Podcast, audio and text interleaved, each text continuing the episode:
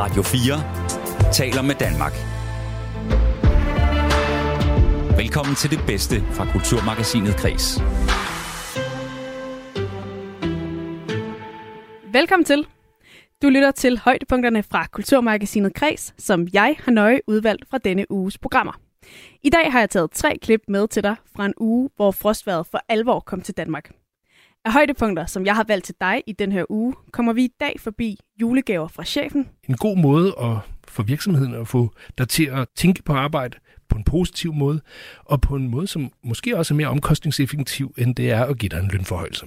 Den er for mange verdens bedste julefilm, men Love Actually er måske lidt problematisk i 2022. Der var gået cirka to og et halvt minut, før der blev gjort grin med crossdresser.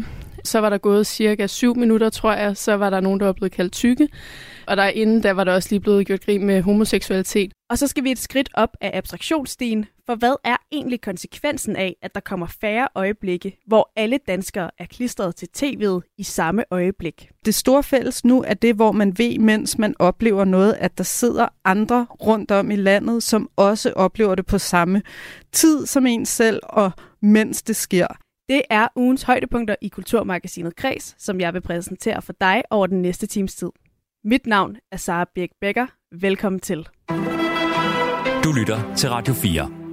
Vi begynder med et indslag om firmajulegaver. For det er nemlig noget, mange danskere får af deres arbejdsplads. Altså en julegave.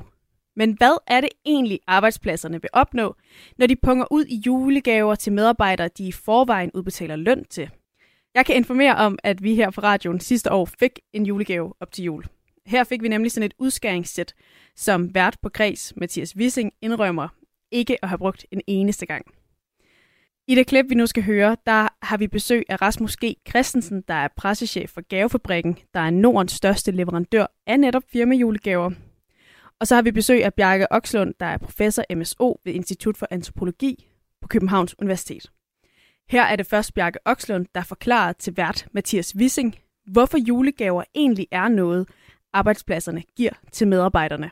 Jamen det gør man, fordi gaven har en ånd, og ånden den vil altid gerne tilbage. Så derfor så etableres der et bånd. Udvekslingen skaber relationer, og øhm, på et nuværende tidspunkt, hvor vi har en rekrutteringskrise, så er der alt mulig god grund til for en virksomhed at sørge, eller søge at skabe så gode relationer som overhovedet muligt i forhold til medarbejderne. Mm. Og nu bliver jeg så til seneste jul øh, sådan en mellemglad ejer af et udskæringssæt. Øh, det ved jeg, alle mine kolleger også gjorde. Hvad er det, øh, virksomheden de forsøger, når de giver julegaver til alle deres medarbejdere, som sådan en rigtig julemand? Ja, men der tror jeg, der er jo også en trend, der kommer også til under coronakrisen at give øh, chokolade med de samme skåle. Og nu kan jeg se, når jeg kommer hjem hos folk, så har alle de samme to skåle stående, og det tager jo lidt fra individualiteten. Og der kunne man sige, ah, der var lige en til huskebogen der, at, at øh, det, øh, det er ikke helt, måske for 30 år siden var det fedt at få den samme sportstaske alle sammen med firmalogoet på. Det er ikke der, vi er, at man ønsker at være uniformeret på den måde, eller få præcis de samme ting. Men derfor er den der erkendelighed, som gaven er, stadigvæk vigtig. Ja. Og hvad, hvad er egentlig resonemanget bag, at, at min arbejdsplads smider en pakke under træet, eller giver man med hjem, når jeg går på juleferie, hvad man nu gør, øh, hvor at den der pakke, den så kan ligge side om side med pakker fra svigerforældre og søskende. Altså, hvad, hvad er det for en position, som arbejdspladsen er begyndt at indtage? Jamen, nævnte du jo sådan set selv. Altså, det bliver lidt mere ligesom slægtskab, man er forbundet, og at øh, de hører til, altså sammen med svigermor og arbejdspladsen og, så videre. Og, øh, og hvis nu du ellers havde brugt det der forskæresæt, så vil du hver gang du brugte det, så vil du have tænkt måske øh, på din arbejdsplads og sendt en positiv tanke. Mm. Og det, øh, og det, vil, det vil måske være øh, en, en god måde at få virksomheden at få dig til at tænke på arbejde på en positiv måde, og på en måde, som måske også er mere omkostningseffektiv, end det er at give dig en lønforhøjelse. Ja. Ja, men, og, og, og, det, og når du siger det, så tænker jeg jo faktisk, det lyder fint, men samtidig så er der også et lille element i mig, der siger, at jeg vil jo gerne, jeg vil jo gerne, være, jeg vil gerne holde fri, når jeg holder fri jo. Altså, hvad er, det for, hvad er der egentlig sket ved det her med, at, at ens arbejdsplads øh, bevæger sig ind i privatsfæren på den måde, uden sådan at være alt for polemiserende omkring det, kan man jo godt sige, eller hvad laver de egentlig der? Ja, det, nu kommer de jo ikke hjem og banker på og beder om at få lov til at sidde med lille juleaften. Så. Nu ved du ikke, hvad min redaktør er jo. Men, uh... Nej, det er selvfølgelig, jeg har ikke mødt din chef. Det er rigtigt. Det, det, det forbehold skal vi selvfølgelig tage. Kan vi sige noget om, øh, Bjarke, hvorfor og hvornår at det er blevet kutume, at, at nogen af os ligefrem forventer at få en julegave fra arbejdet? Fordi sådan har det jo ikke altid været. Nej, det er helt klart. Det er jo en tradition, som sådan bliver opbygget også på de enkelte arbejdspladser. Der findes jo også arbejdspladser, hvor man ikke har en, øh, en julegave. Men hvis der er tradition for det, og det tror jeg, der har været øh, rigtig mange steder, øh, selvfølgelig lidt mere udtalt i det private end i det, i det offentlige, men, øh, men, men, men når først forventningen er der, så er det lidt ligesom øh, goder i velfærdsstaten. Så kan man slet ikke forestille sig, de ikke er der. Og så bliver man, altså hvis man er vant til at få julegave, en stor flot kurv, 12 år i træk, mm. så er man jo noget stødt det 13. år, hvor man så lige pludselig ikke får den. ja, det dur ikke. Prøv lige at, at, at høre med her, hvad et par danskere siger om uh, firma, firma julegave, fordi min kollega Sara Birk Becker, hun har været på gaden og snakket med nogle øh, forbipasserende derude, om de får julegaver af arbejdspladsen. Det er lige klip på et par minutter. Prøv lidt med. Nej, det gør jeg ikke. Det arbejder i Rema. De udleverer ikke, desværre. Vil du gerne have en julegave af, dit, af din arbejdsplads? Det er ikke noget, jeg har brug for. I hvert fald ikke i så store kvantiteter, som de vil blive nødt til at give, fordi det er så stort et, altså et firma. Så jeg tror, at så vil jeg hellere have et personligt kort, og så have, at de giver det videre til nogen, der har brug for det. Og altså, hvorfor er det, at det lige præcis et kort vil gøre dig glad? Fordi det er mere personligt. Det er meget mere altså, julestemning, at din chef han skriver god jul og have det godt, i stedet for sådan et, en materiel ting, som altså pengene, der bliver brugt ud af det, de, de kan gå til hinanden, og jeg har bare brug for et kort, fordi jeg får alligevel løn, så jeg kan jo ja, lige så godt få noget, altså få et kort. Gustav, får du gaver af din arbejdsplads her til jul? Ja, det gør jeg. Helt sikkert. Er det noget, du er glad for at få? Det sætter jeg stor pris på, at de anerkender os her til jul og er glade for os. Ja. Hvis du ikke fik den her gave, tror du så, du ville tænke over det? Ja, så vil jeg skifte arbejdsplads. Ja. Hvorfor, hvorfor er det så vigtigt med den her julegave? Mm, jeg kan godt lide at blive værdsat, og øh, i en branche, hvor at man øh, som håndværker, øh, der er så meget rift om os, så er det ret at blive sat pris på. Ja. Hvad, hvad er sådan, kan du sige, noget af det bedste, du har fået i julegave? Altså, er det noget til boligen, eller er det noget, man kan spise, eller hvad, hvad, hvad er julegaven? ja, men altså, det ligger på nogle gavekort af, af høj værdi. Ja. Og det er det, der gør juletiden sød for dig? Ja, det gør, at så betaler man alle julegaverne med det. Får du en julegave af din arbejdsplads? Nej, det gør jeg ikke. Vi, vi får måske øh, noget øh, alkoholfri gløk og nogle brunkager. Og hvorfor er det, du ikke får en julegave af din arbejdsplads? Det er, fordi jeg er offentlig ansat, så øh, vi får som regel ikke julegave. Ikke? Kunne du godt tænke dig at få en julegave af din arbejdsplads? Nej, det synes jeg egentlig ikke er en offentlig opgave. Altså, jeg synes, det er ok, at vi ikke får noget, så ville det være bedre, at vi fik lidt højere løn eller et eller andet andet. Jeg synes, julegave kan være ret ligegyldigt. Kan en julegave være nok for dig til at hoppe over i det private erhvervsliv? Nej, det tror jeg ikke. Så det kommer ind på, hvad vi taler om. Hvis, jeg kan, hvis det er noget til flere millioner, så er det okay. Hvad med en kaffemaskine? Nej. Nej. Ja, jeg fik jo hørt, det deler altså virkelig vandene, det her med at få firmajulegaver. Der er nogen, der nærmest ikke kunne være mere lige glade, og så er der nogen, der er klar til at skifte arbejde, hvis de ikke får en ordentlig firmajulegave. Som en af dem pointerer her, så er der jo en, der siger, jamen jeg får jo løn alligevel. Øh, og det er jo egentlig det, man skal bruge fra sin arbejdsplads, kan man sige. Hvad er det, firmajulegaverne giver ekstra, som løn ikke kan, Bjarke Oksholt? Jamen, det skyldes jo, at øh, penge er et generaliseret udvekslingsmiddel, som gør, at øh, altså, der, der kan man egentlig bytte, uden at, øh, uden at det har så mange bindinger. Mens gaven, den har netop en ånd, og derfor er det symbolsk mere ladet at få en gave. Derfor får den også større betydning. Og, øh, og vi kan jo så høre, at for den her øh, unge håndværker, der har det rigtig stor betydning, fordi han sådan set også har andre øh, muligheder. Det er nemt for ham at, at, at få sig en, øh, et andet job, og det, der betyder øh, julegaven så øh, rigtig meget mere, fordi det er en forventning, som er, er vokset frem ja. i hans branche. Ja, der bliver det lige, øh, der bliver det, lige det, det hele står og vipper med. Øh, du skal lige hænge på, øh, Bjarke Okslund, fordi jeg skal også tale med Rasmus. Rasmus G. Christensen, som er pressechef for Gavefabrikken. Du er også i studiet. Velkommen til, Rasmus. Mange tak. For en stor del af Danmarks befolkning, så er I jo øh, faktisk julemanden. I leverer nemlig over øh, en million firmajulegaver, men du har fortalt, at de her firmajulegaver, de bliver større og større år for år. Ja. Hvorfor gør de det? Jamen det er der jo forskellige årsager til. Nu har vi jo været igennem sådan to ret mærkelige år med corona, og der har været mange gode grunde til det, hvor julefrokosterne har været aflyst, og folk har været tvunget til at være derhjemme, så der har været endnu mere brug for de her relationer, som, øh, som der blev talt om lige før. Øh, og der har været skruet op for, øh, for budgetterne. Øh, I år kan vi se, at vi er stadigvæk præget af det her med, at øh, virksomhederne har svært ved at rekruttere og fastholde de gode medarbejdere. Øh, det kan godt være, at økonomien ser lidt anderledes ud ude i horisonten, men altså vi er stadig i en situation, hvor, hvor øh, påskyndelsen ud til medarbejderne, den er, den er væsentlig at sende et signal om. Så, øh, så det er det, vi hører fra vores kunder, og derfor er gaverne faktisk også vokset med cirka 8% i år. Ja, så, så, så en, en 8% større slikkurve og en 8% større, øh, eller i hvert fald for, for mere værdi, får man simpelthen 8% i, øh, i 2022? Ja, altså nu øh, er vi jo øh, en af de absolut store spillere på det her marked, og derfor har vi jo nogle ret valide statistikker på det her, og samtidig så har vi så frosset priserne på 2021-niveau, så vi kan jo sige, at de der 8% er i hvert fald ikke inflationens skyld. Mm. Øhm, men men øh, der er ikke nogen tvivl om, at øh, man får en hel del mere for det, og øh, så er det jo så spørgsmålet om at få valgt lige præcis det, som gør medarbejderne glade og få dem til at tænke på dem, og ikke et forskærsæt, som de sætter ind i skabet. hvor, st- hvor stor forskel er der fra, fra høj til lav her, har jeg lyst til at spørge dig om. Altså, hvad, hvad, hvad, hvad, er, den, hvad er den øvre grænse for, hvad man kan få i julegave af sit firma, hvis man virkelig arbejder et flot sted? Jamen altså, i princippet er der jo ikke nogen øvre grænse, så længe man er villig til at betale skat af det, men, øh, men skat har nogle, øh, nogle grænser øh, for, hvor meget man må øh, modtage, uden at blive skattepligtig. Mm. Og isoleret set for julegaven er det 900 kroner, og så er det 1200 kroner på årsbasis basis. Mm. Hvad, hvad, hvad er det for nogle julegaver, som, som hitter derude i år? Jamen altså, der er øh, rigtig mange designjulegaver, især nogen, der har øh, noget mere fokus på bæredygtighed. Øh, og så er der også nogle oplevelser, der hitter. Altså hos os, der har vi en, øh, en stol, der er designet af øh, Arne Jacobsen. Øh, en stol, der hedder Myggen, øh, som øh, er meget, meget populær i år. Øh, vi har også... Er den en, inden for budget? Ja, den er inden for okay. budget, og det, det er jo klart, vi kan, vi kan skaffe nogle, nogle lidt bedre priser på nogle af de her meget attraktive ting, fordi ja. vi sælger så mange af dem. Men, øh, men jo, den er inden for budget. Ja, og, og, og hvad, hvad, er det, altså, hvad er det ellers, og hvad har det været? Fordi jeg ved, at det også under corona for eksempel, så tilpassede man også ligesom gaverne til, hvad der passede til folks arbejdssituation. Absolut. Øh, altså det er sådan, at øh, der er som sagt ret stor fokus på, på bæredygtighed, og det er jo især på, på materialevalget og holdbarheden. Det gælder både slidstyrke og, og, og designet.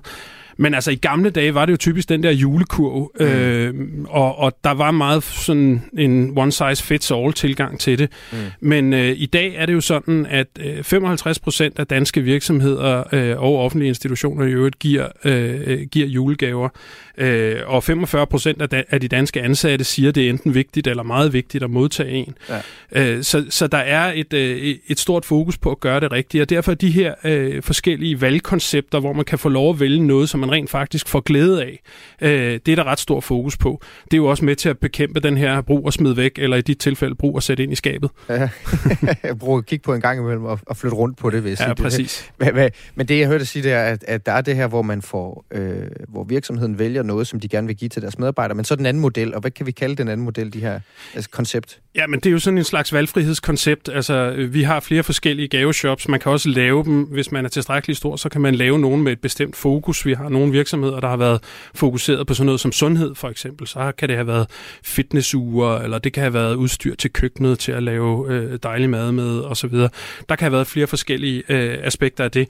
Men, øh, men, men typisk så, så vil man have adgang til at vælge mellem sådan et, et, et udvalg inden for en bestemt priskategori, øh, som, som allerede er, er prædefineret. Og den måde bliver lidt nemmere at ramme noget, øh, som, som kan ramme både Pigolinen og, øh, og underdirektøren. Ja, øhm, så kan de selv gå ind og klikke klikke sig frem til det, de helst vil have. Præcis, ja. ja. Jeg skal lige have dig, Bjarke Okslund, øh, ind i snakken igen. Du er som sagt professor MSO ved Institut på Antropologi på, på Københavns Universitet. Kan du ikke øh, prøve at opklare for os, hvor, hvorfor det lige netop er, er den her måde at vælge gaver på, altså sådan en, hvor man på en eller anden måde bestiller, hvad man, hvad man helst vil have som hitter lige nu, fordi så kan man jo principielt, hvis der alligevel ikke er en eller anden stor tanke mellem at udvælge lige præcis det produkt, vidderligt lige så godt bare give pengene jo. Ja, men det er et godt spørgsmål. Man kan sige, på den ene side er det selvfølgelig udtryk for en individualisering, som er blevet mere udtalt. Man vil ikke bare have det samme, den samme mm. sportstaske med firma-logo på, som måske var gangbar for 30-40 år siden. Mm. Og så er det jo netop også et spørgsmål om, at man har måske så stor en mangfoldighed inden for sin medarbejdergruppe, at det rent faktisk kan være ret svært at ramme helt rigtigt. Og derfor så øh, den frit valg tankegang, som ligger i de øh, produkter, som Rasmus omtaler her, den giver jo mulighed for, at man både kan give noget, som sætter en tematik, men hvor man så alligevel øh, selv har en vis indflydelse på at få valgt. Og det giver også øh, medarbejderen en følelse af, at, øh, at, øh, at der måske er tænkt lidt mere over det, og der er mulighed for at præge det selv. Og det, øh, det passer godt til tidens tern, øh, ja. om man så må sige, fordi øh, øh, der bliver både sat en ramme, men der bliver også mulighed for at, at, at præge noget på en måde, sådan, så det ikke bliver helt ubrugeligt. Og det kan jo også i sig selv være altså netop klimabæredygtigt ja, på ja. en helt anden måde. Ja. Og, det, og det der, øh, lige præcis det der, det ser jeg jo min, til min familie hver jul, hvor jeg sender min ønskeliste, så siger jeg, vælg nu bare noget på den ønskeliste, fordi det er bedst for alle. så er vi fri for alt det her. Men er det ikke også det, der fjerner det fra at være en gave, øh, til bare at være en gestus? Jo, og det er jo også det, der er lidt morsomt, fordi du, du spurgte tidligere om, hvad laver virksomheden inde i privatsfæren. Mm. Men omvendt, så kan man jo også sige, at øh, det, man kan se med teenagerne i familien, ikke, det er jo også, at de i stigende grad ønsker sig penge og gavekort, fordi de netop vil have det der valg selv. Mm.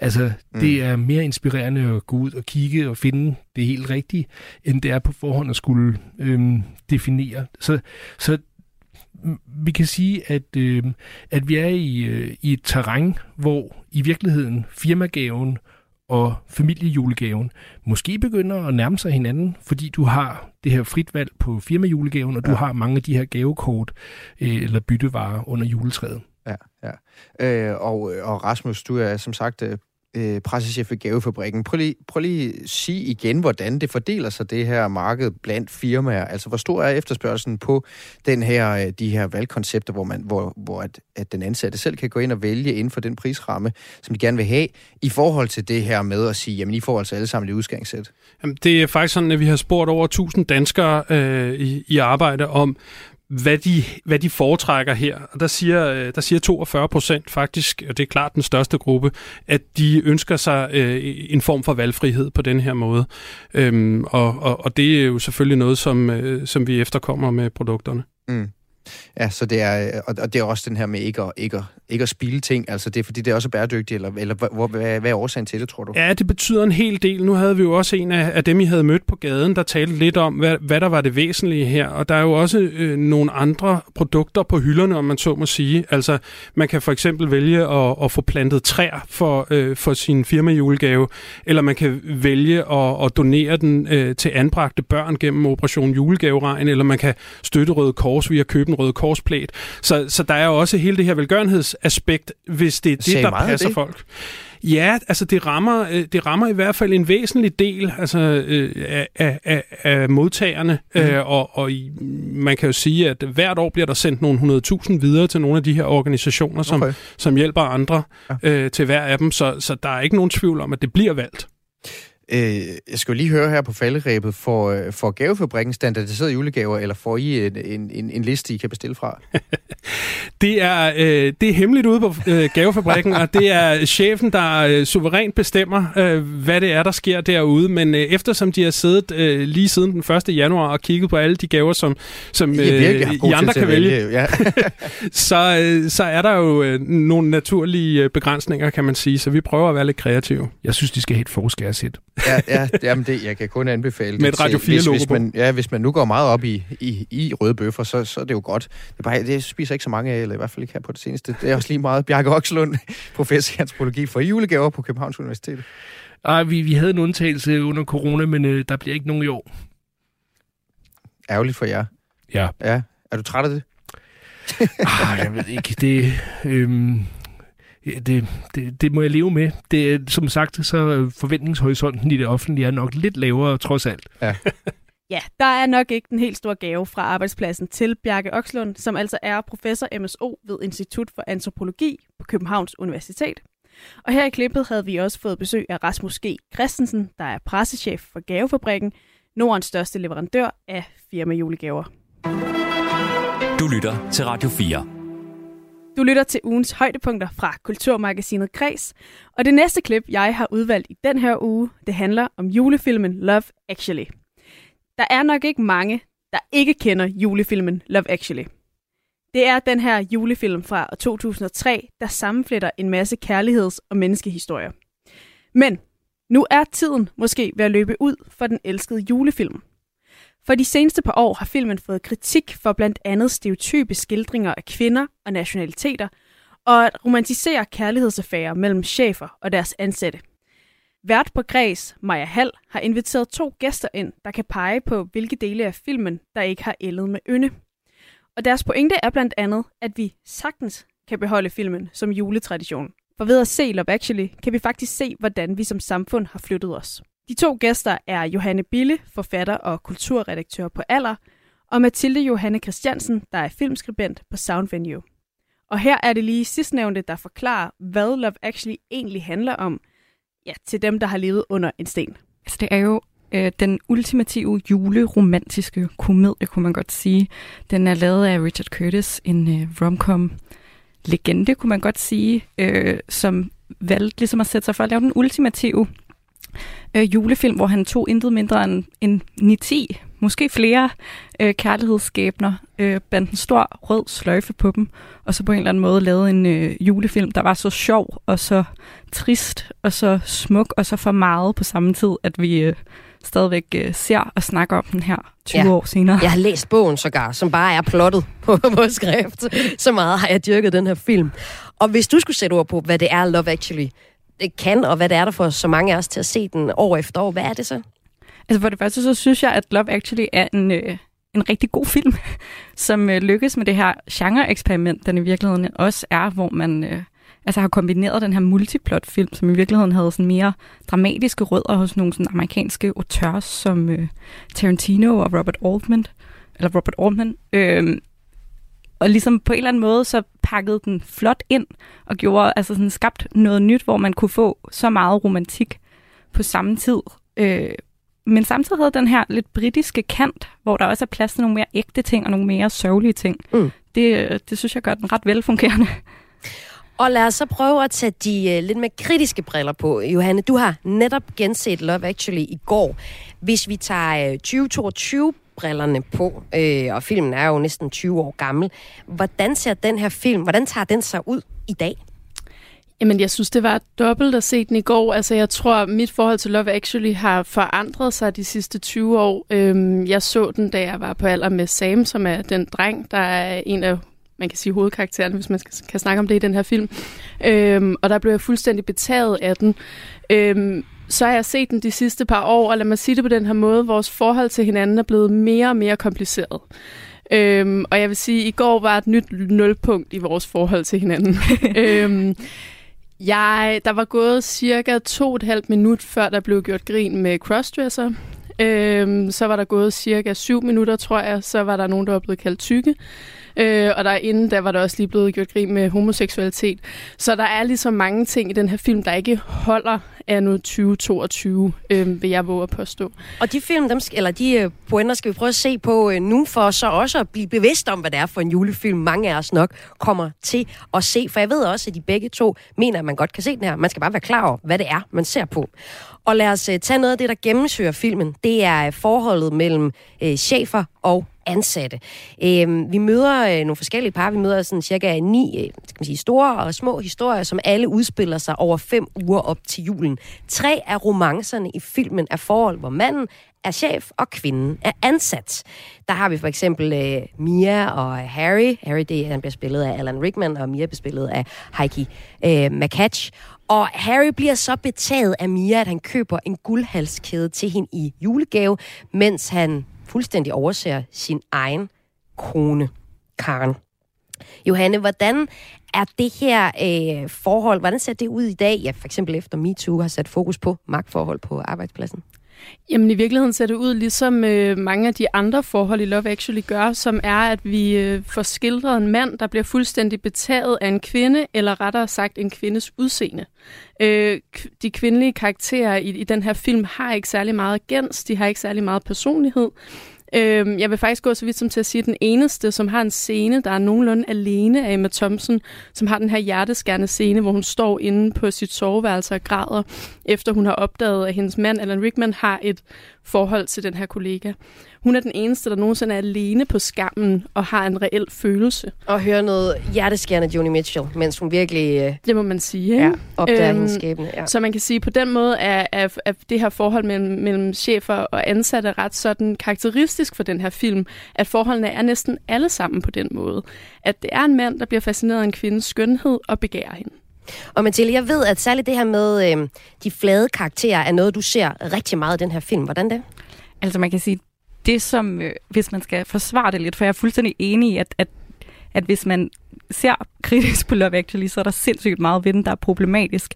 Men hvis man også skal øh, altså sådan brede det lidt ud, så kan man sige, at de her Øh, så det er jo også en, en karakter som Mia, hun er jo også fremstillet fuldstændig flat på den måde, at vi som Johannes siger, slet ikke lærer hende at kende andet end som en, altså hun har vidderligt djævlehorn på på et tidspunkt, fuldstændig klædt i rødt, sidder og spreder sine ben på kontorstolen. Vi forstår egentlig ikke rigtigt, hvad det er, der har startet den her romance mellem hende og Alan Rickman. Hun er bare, altså sådan, hun bliver objektificeret på den måde, at hun ikke, altså at, at vi forstår hende ikke, vi skal bare have hende. Og det gør, har man jo også gjort de første mange, mange gange, man har set den her film, hvor at at filmen giver os heller ikke nogen chance for at forstå hende. Men det gør det jo desto så meget også nemmere at øh, have sympati for Emma Thompsons karakter, som jeg synes, det er en meget rigtig pointe, at hun er den eneste, der er alene. Øh, og hun er jo så også en af de få øh, kvinder i filmen, der faktisk slet ikke bliver seksualiseret. Mm. Øh, så, så det er også det, sådan, vi kan kun lide hende, vi kan kun fatte sympati med hende, fordi hun ikke er et objekt. Hvis man skulle gøre noget ved den her Mia-karakter, den her, der lokker chefen i fordærv, kunne man så ikke have lavet hende til sådan en ret sej, øh, jeg ved, hvad jeg vil have, kind of girl? Det er hun jo måske også, kan man sige. Det, det er jo Hvis lidt hun flere dimensioner, måske. Og altså, så vil jeg også sige sådan, hun gør jo egentlig ikke rigtig noget, hun ikke må.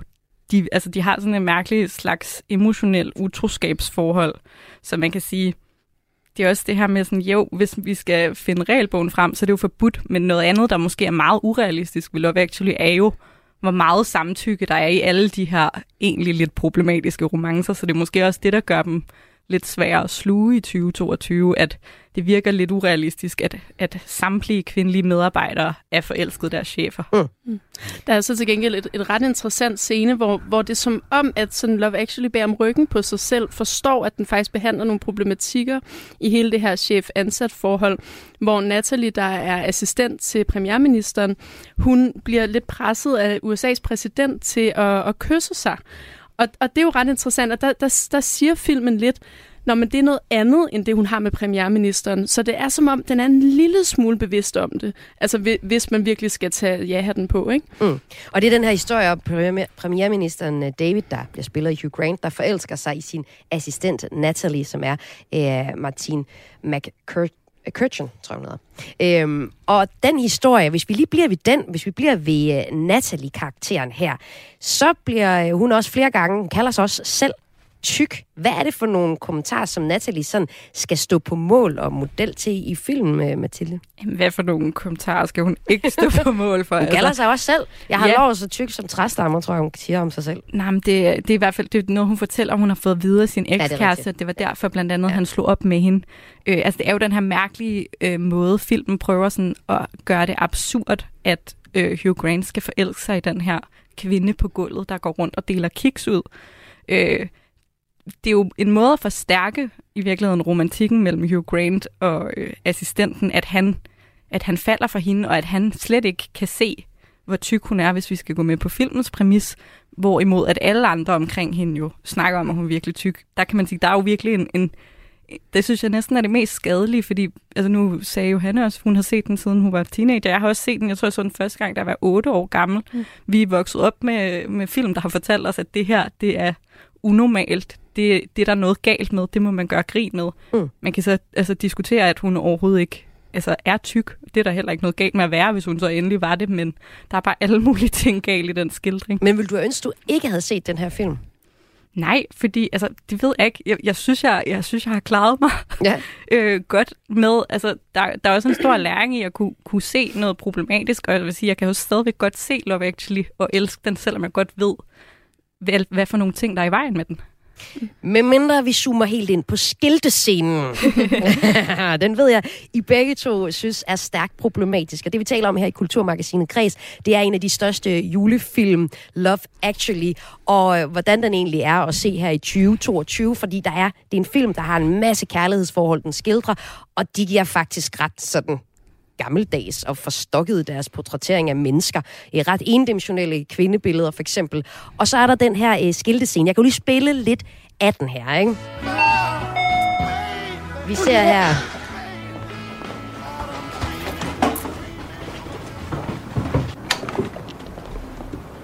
Oh, hi. Who is it? Ja, det det jo så faktisk er... Carol Singers! Det er Carol Singers er det ikke.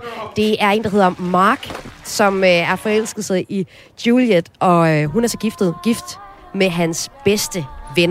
Og han erklærer sin kærlighed ved at øh, besøge hende øh, juleaftensdag, noget af den stil, og øh, med nogle papskille fortælle, hvor smuk og fantastisk hun er. Prøv lige at fortælle, hvad er der galt med den her øh, scene? Jamen, altså fortløberen for den her scene, det er jo, at øh, vennen der til Keira Knightleys mand, han bliver bedt om at filme deres øh, bryllup. Øhm, og der filmer han kun Keira Knightley meget, meget tæt på. Altså, der har vi virkelig sådan et udtryk for the male gaze, altså mandens seksualiserede blik på kvinden.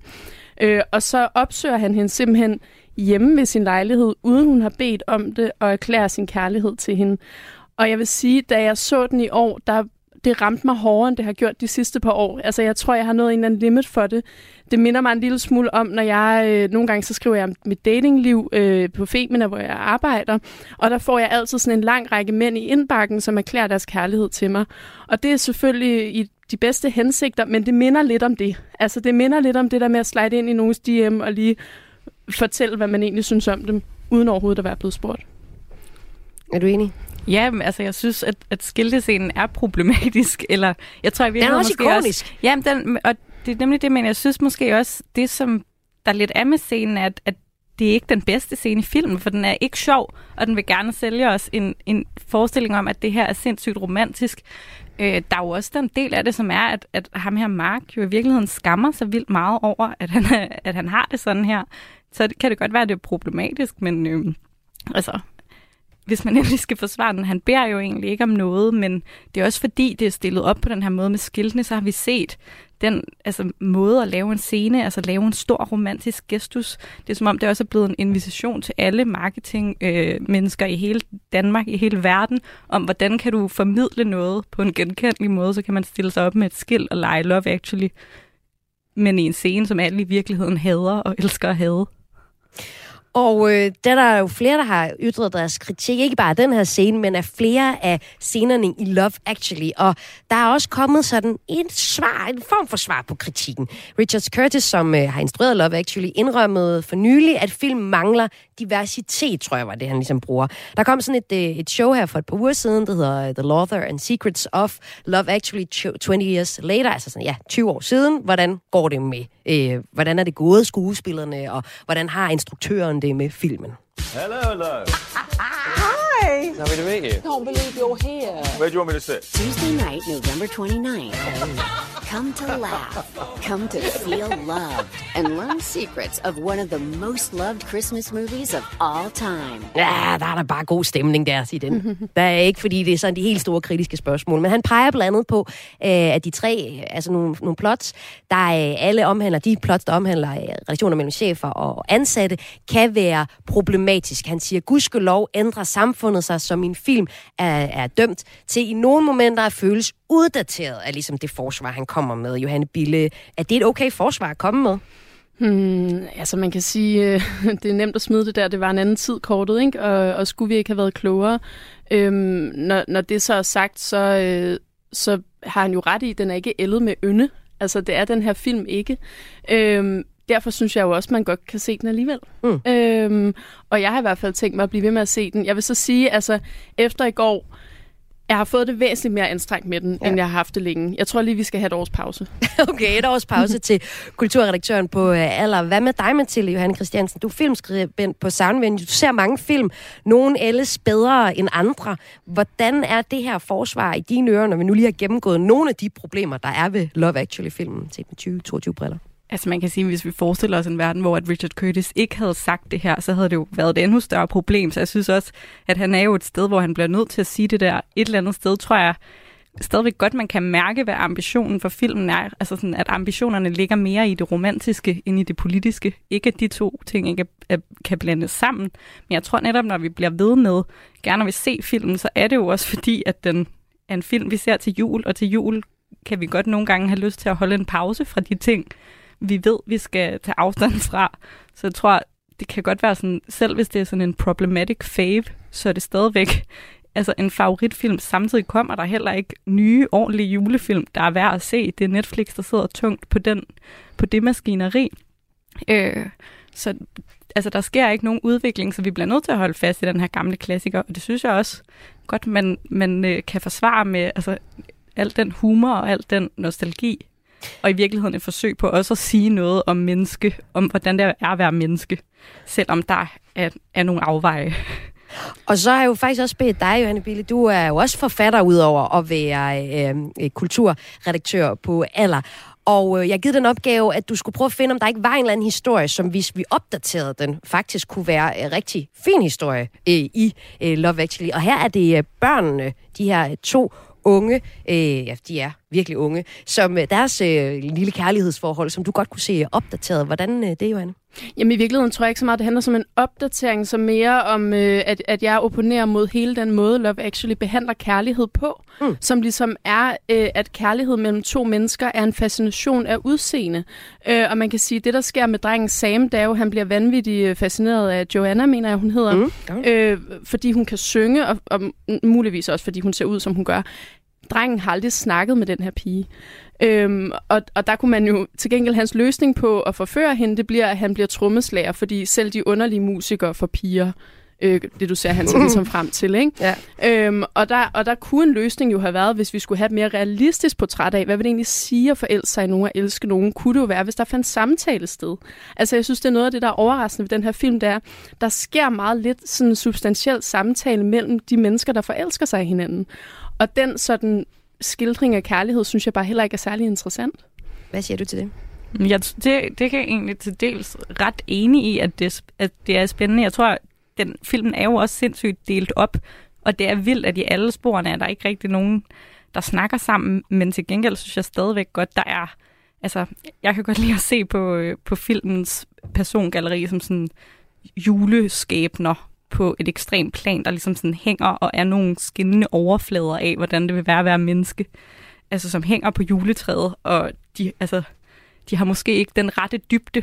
Jeg synes, det er måske også lidt at bede Love Actually om at være en anden film, hvis, vi skal have, altså, hvis den skal have nogle relevante samtaler. Samtidig synes jeg også, at der er en tendens til, at vi spænder Love Actually for en vogn øh, for at tale om nogle altså vigtige problematikker i samfundet, som jeg måske ikke rigtig synes, det er det rigtige sted at starte. Jeg synes, hvis vi skal snakke om MeToo, synes jeg, vi skal snakke om det. Mm. Men jeg ved ikke, om jeg nødvendigvis synes, at Love Actually er det rigtige startpunkt. Nu, vi, ja. Nej, men omvendt er der også noget med at huske, at kultur former mennesker, og kultur former samfundet. Og det vi afbilder, det vi ser, vi har begge to set filmen, da vi var meget, meget små. Jeg tror også, jeg var omkring de 7-8 år, da jeg så den første gang, er med til at forme vores idé om, hvad vil det sige at forelske sig i nogen? Hvad vil det sige at være, måske endda at være heteroseksuel, eller alle de her forskellige markader, som er, som er symboliseret i den her film. Og det tror jeg også bare er vigtigt at huske, at film er også med til at forme, hvordan vi går ud og agerer i verden, eller på vores arbejdsplads for eksempel. Fuldstændig, og det er Love Actually på en eller anden måde også sådan super eksemplet på. Det var Mathilde Johanne Christiansen, filmskribent på Soundvenue, og Johanne Bille, forfatter og kulturredaktør på Aller, der her dissekerede den gamle film med 2022-brillerne på. Og ja, så er det bare op til dig selv, om du har lyst til at se Love Actually igen, eller måske for første gang, eller om du vil lade den gå til de evige julejagtmarker og ikke se den mere. Du lytter til Radio 4. Det sidste klip fra denne uges græs, som jeg har taget med til dig i det her højdepunktsprogram, handler om noget, der involverer os alle sammen. Eller Det har det i hvert fald gjort. For de øjeblikke, hvor vi alle laver og ser det samme på samme tid, de bliver færre og færre.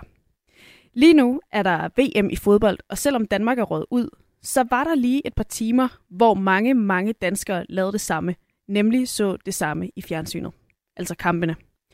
Men hvis vi isolerer sporten, så er der noget, der tyder på, at de her store fællesoplevelser på tv bliver udfaset til fordel for individuel streaming. For bare at nævne nogle af konsekvenserne, så har DR de sidste par måneder annonceret digitale strategier. Disney Show bliver erstattet af fredagstamtam, som man modsat Disney Show kan streame, når man vil. P1-orientering bliver halveret i livesendetid, og nyhedsprogrammet Deadline, som kommer hver aften på DR2, bliver sat ned i både mandskab og live-minutter til fordel for et nyt format, målrettet streaming. Den her bevægelse væk fra live-fjernsyn og radio, og dens betydning for vores fællesskab, bekymrer redaktionschef for opinionssiderne i politikken, Lotte Folke, der indtil august var vært på netop Deadline. Hun har tidligere sagt til Dagbladet Information, at selvom Flow TV måske vil forgå, så vil nuet og behovet for det fælles øjeblik bestå. Vært Mathias Wissing spurgte hende, hvad det er for et stort fælles nu, hun mener ikke kan gå af mode. Det store fælles nu, øh, når man taler om medieforbrug, det er øh, de tidspunkter, hvor man har fælles oplevelser ude i hver sit hjem. Øh, lige nu har vi oplevet det mange af os med fodboldkampe, men der er også tradition for, at man jo på for eksempel fjernsynet erfarer nyheder, mens de sker. Og det store fælles nu er det, hvor man ved, mens man oplever noget, at der sidder andre rundt om i landet, som også oplever det på samme tid som en selv, og mens det sker. Og øh, det har en meget stærk energi i sig, øh, enten fordi man kan møde på arbejde eller i skole næste morgen og tale om, hvordan det var at sidde der, eller som det skete meget i de senere år, at man sidder og second screener og skriver på sociale medier, mens det sker og deler sin oplevelse med andre mennesker, selvom man ikke fysisk er i samme lokale som dem. Og hvorfor, hvorfor har det betydning for et samfund at have et stort fælles nu? Det har det, fordi det øh, strukturerer et samfund. Det skaber det fællesskab, som vi er i. Det, at vi er mennesker sammen, der lever sammen og oplever sammen og erfarer ting sammen, i stedet for, at vi alle sammen øh, render rundt og er alene. Øh, det strukturerer også vores øh, dage, altså øh, vores øh, tid. Øh, det, øh, da jeg voksede op og var barn, og vidste, at jeg kunne gå og glæde mig til, at der kom fjernsyn for dig kl. 18.30, mm. hvor jeg så ligesom alle de andre børn sad og så fjernsyn for dig. Det skabte en orden og et fællesskab, som jeg kunne være en del af. Mm. Og så er det jo et... Øh, der er også et element i den her rivende digitale medieudvikling, som så har været med til at udfordre det, du øh, kalder det store fælles nu, som er, at øh, det tidligere har været sådan, de etablerede medieinstitutioner, de har kunne vælge at vrage mellem det lige præcis, de mener er det vigtigste at fortælle for lytterne og seerne. Og det er jo så blandt andet det, der har fået os til at sende for, for fjernsyn for dig dengang. Det er også det, der har fået mange til at tænde for Disney Show, i stedet for bare at vælge noget på Disney+. Plus øh, fordi at man kunne i princippet se det samme, men der er også et eller andet i, at andre har valgt det. Det er også det, der får os til at tænde for et program som Deadline om aftenen, som du har været på, selvom at vi jo lige så vel kunne lytte til podcast, som vi forvejen ved beskæftiger sig med netop det emne, som faktisk interesserer os allermest. Hvorfor er det, at det er vigtigt for dig at se, at der findes et public service organ, som foretager de her til- og fravalg af for eksempel nyhedshistorier for os? Jamen altså, jeg mener faktisk, at der har været en form for videnstab øh, i de seneste par år hos os som samfund, hvor vi har tabt viden om, at der altid er nogen, der kuraterer for os, hvad vi oplever. Og det har vi jo, fordi især sociale medier fremstår som om, de er øh, direkte, som om de bare er en samtale, der ruller. Og de synliggør ikke den algoritme og alle de øh, redaktionelle valg, der bliver truffet mm. øh, i det skjulte, som fremhæver noget frem for noget andet. Mm. Og det gør, at folk de tror, at de er med i en direkte samtale, hvor de selv kan vælge, og, de er, og vi er blevet mere mindre bevidste om, at der hele tiden foregår en kuratering. Mm. Og det, som klassiske medier kan, det er, at de fremlægger jo deres principper for, hvad de kuraterer. De sætter redaktionen i, øh, i forgrunden for de valg, man træffer, og skaber dermed en form for autoritet og en form for tydelighed omkring, hvem der prioriterer viden, som er helt ekstremt vigtig for tilliden og troværdigheden af vores samfund og de medier, vi taler med hinanden igennem. Men, men øh, altså, du skriver også, øh, eller du bliver citeret for i den her artikel, noget af det, du godt kan lide ved Deadline, det er, at det varetager den nødvendige samtale. Øh, er der ikke også, jeg kan ikke også lade være med at tænke om der er et eller andet øh, lidt øh, formynderisk i, gerne vil have nogen til at vælge noget for os, og ligesom altså, have, have sat sig på historierne og valgt til og fra, hvad der er vigtigt. Jo, min pointe er, at der er altid nogen, der vælger historien for os. Der er bare nogen, der gør det mere øh, skjult end andre. Der er nogen, der ikke vil indrømme, at det er dem, der gør det. Og det er for eksempel Facebook øh, og Twitter og de andre, der ikke vil åbne vinduet ind til den algoritme, der bestemmer mm. det, og de kommercielle hensyn, der bestemmer det. Så det er ikke muligt at fravælge, at der er nogen, der vælger for os. Men det er til gengæld muligt, når man tydeliggør, at der er nogen, der vælger, og så ruster man faktisk folk til at vælge dem, de selv stoler mest på. Og det er jo det, man kan gøre for eksempel med et program som Deadline eller Orientering, hvor man kan mm. sige, denne her redaktion har jeg god erfaring med. Det betyder noget for, om jeg vælger at høre deres version af det, der er sket i dag, eller nogen andres. Mm. Men samtidig så kan jeg ikke lade være med, altså det her, når vi nu vælger, nu, nu, nu nævner du jo Facebook, men der er jo også bare at vælge podcast, der er jo nyhedspodcast, et, et hav af nyhedspodcast, man kan vælge. Øh, jeg kan ikke lade være med at tænke, altså i den her digitale medieudvikling, synes jeg også, der på en eller anden måde er noget demokratisk eller liberalt over, at vi hver især sammensætter vores unikke medieforbrug. Er du også kritisk over for, over for den del af kurateringen, eller den manglende kuratering i det?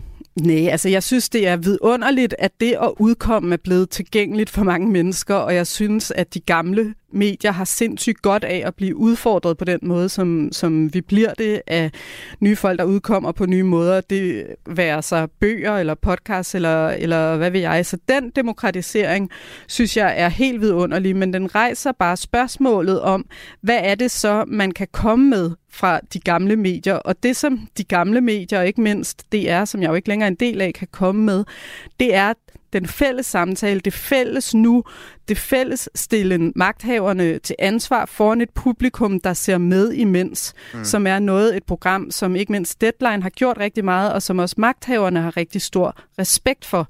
Det at blive stillet til ansvar, mens man kan sidde derude og se med, det er en meget vigtig funktion at have i et demokrati. Mm. Og, det, og, og nu hvor vi er tilbage ved det store fælles nu, har jeg lyst til at spørge til det meget vigtige del af det store fælles nu, netop at noget sker live. Øh, kan, altså, hvorfor er det per definition bedre at se eller lytte til noget, der sker live, end at det sker tidsforskudt?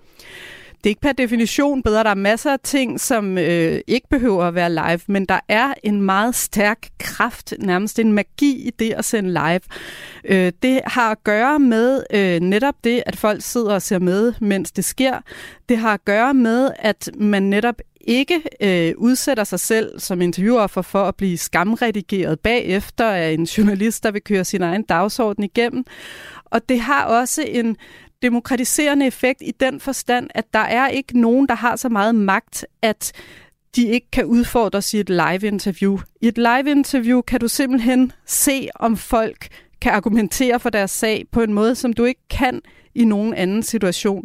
Og du kan også se, at de mennesker, der har meget magt, også er mennesker, fordi live er også den mest menneskelig måde at sende på overhovedet. Det er live, at du kommer til at drikke for meget vand, selvom du egentlig siger øh, noget, der kan være nok så klogt. Det er live, hvor du kan falde ned bag kulissen og komme op igen, eller det er live, hvor du kan få et grineflip, selvom du er en rigtig fin øh, redaktør på Berlingske, som gør, at der er rigtig mange, som opdager, at du skulle være et meget dejligt menneske mm. samtidig også. Men der, nu, altså nu snakker vi meget om Deadline. Det kunne være alle mulige live-formater her, men i Deadline, altså, der vil du jo, da du var vært, øh, du, du, start, du startede på politikken i august, men frem til der, hvor du var vært på Deadline, der kunne du jo også øh, have lavet de her interviews, og så sagt, det er det, der i mediebranchen hedder live on tape, og så er det jo det samme for, for lytterne og seerne af programmet, eller hvad? Nej, i praksis er det slet ikke det samme. Altså, man mister simpelthen øh, noget nerve, når man laver live on tape. Kan du ikke beskrive den nerve? Hvad, hvad er det, det går ud på? ja, hvad er den? Det er næsten sådan en fysisk ting. Det har jo at gøre med at økonomisere med din, din svar og din tid af respekt for, at du har ikke chancen igen lige bagefter.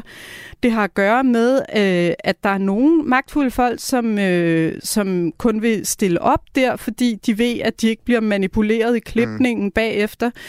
Det har at gøre med, at folk derude øh, kan sidde og spille ind i det, der foregår. Selvfølgelig ikke hele vejen ind til verden, men i den samtale, de har lige der. Og det har jo at gøre med, at du også rammer folk lige på det tidspunkt, hvor det sker for dem. Jeg havde Jakob Ellemann Jensen i studiet den dag, Inger Støjberg havde meldt sig ud af Venstre. Mm.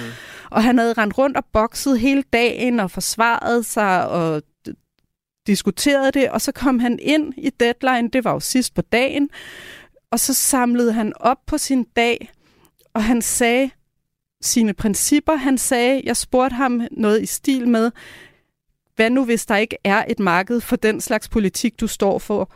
Og så sagde han, så må jeg leve med det og tage konsekvensen af det. Mm. Og jeg synes, han havde en tår i øjet, men det, der i hvert fald var i det, det var, at det var en mand, som kunne lave en sløjfe på sin dag og på noget meget vigtigt, fordi vi sad der sammen i lige præcis det sekund, hvor den dag var nået dertil. Mm. Altså var sådan et, øh, et krydsfelt mellem tid og sted, som, som passede til live, som også passede til, at, at det var der deadlines ind på dagen. Ja. Øh, Hvad, hvad, hvad, hvad mister vi, Lotte Folke, hvis alt forsvinder ind i tidsforskudt tv-kiggeri, eller, eller radiolytning, eller avislæsning for den sags skyld? For det, det, er, jo, det er jo sådan lidt en sjov- sjov størrelse, når vi snakker live avislæsning, men der er også noget med at udkomme om morgenen og sådan nogle ting, som også vil forsvinde ind i det digitale. Ja, med avis, der, der tror jeg mere, det handler om øh, format, ikke? Fordi noget, jeg i hvert fald bemærker, det er, at når jeg læser en papiravis derhjemme øh, i weekenden øh, ved bordet, så læser jeg et fællesskab, hvor mine børn kigger med og spørger, hvad der sker på billederne, og hvad der er det, der står der, og så har vi en Mm. fælles samtale om det, ikke? Mm. Når vi sidder og læser på skærme, så er det en solooplevelse. Så mm. der ryger det samme fællesskab, som jeg også mener ryger ved mm. live, øh, eller det fælles nu på, på tv. Mm. Jeg er meget bekymret for, at Danmarks Radio ikke har forstået, hvor stor en ting, der går tabt, når du slipper det der fælles nu. Mm. Når du slipper, at du skal simpelthen se med på det her tidspunkt, eller høre med på det her tidspunkt, for- der kommer dagens vigtigste person og bliver stillet til ansvar. Mm. Fordi den atomisering af vores oplevelse af samfundet, som ryger med det, og det er også i den anden ende den det fællesskab, der skabes for børn omkring, at de alle sammen mødes, i hvert fald i tid, og ser Disney-show på samme tidspunkt. Det er meget svært at erstatte. Og det, ser, og det ser du som et public service ansvar.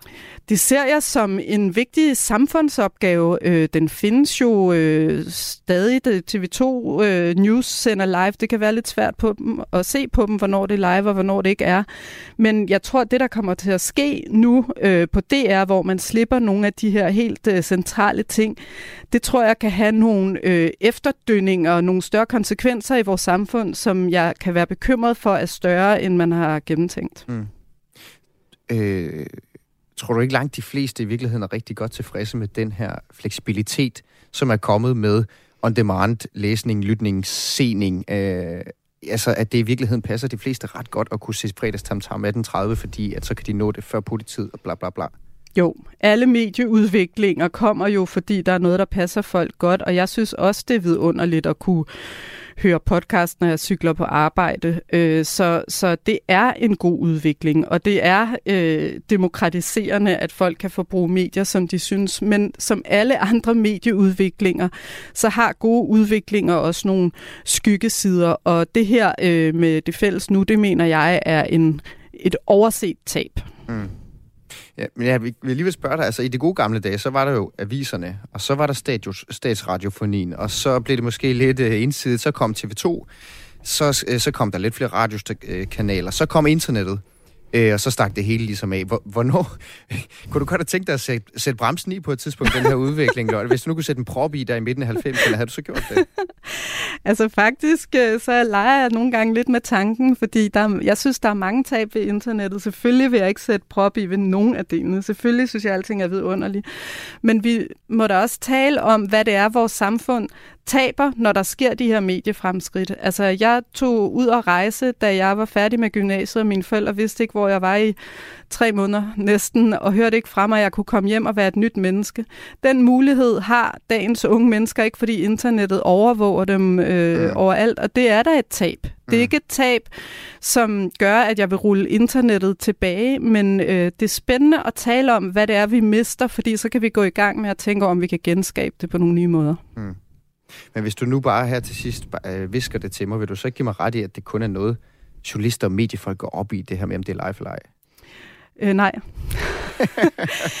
jeg, øh, altså, altså selvfølgelig, min bevisførsel er jo øh, meget præget af, at øh, jeg har været deadline-vært, og derfor øh, får jeg jo, eller fik ekstremt mange henvendelser øh, fra dem, der ser deadline. Men øh, det, folk har et meget følelsesbordet øh, forhold til det at se et program som, som Deadline, netop fordi det er live, fordi der står mennesker ret tæt ind i en stue, ret sent på dagen, hvor man måske er lidt ekstra hudløs. Det betyder rigtig meget, ikke for hele Danmark, men, men for en kerne af seere, øh, som, som for hvem det spiller en rigtig stor rolle i deres liv. Det sagde redaktionschef for Opinion på Politikken, Lotte Folke, til vært Mathias Wissing. Og så kan du, kære lytter, jo lige reflektere lidt over præcis hvor mange andre, der hører netop det her program netop nu. Radio 4 taler med Danmark. Og så nåede vi til vejs ende for det her highlight-program. Det var ugens tre højdepunkter, jeg har plukket fra Kulturmagasinet Kreds i den her uge. Husk, at du kan lytte til alle kredsprogrammer i fuld længde i Radio 4's app.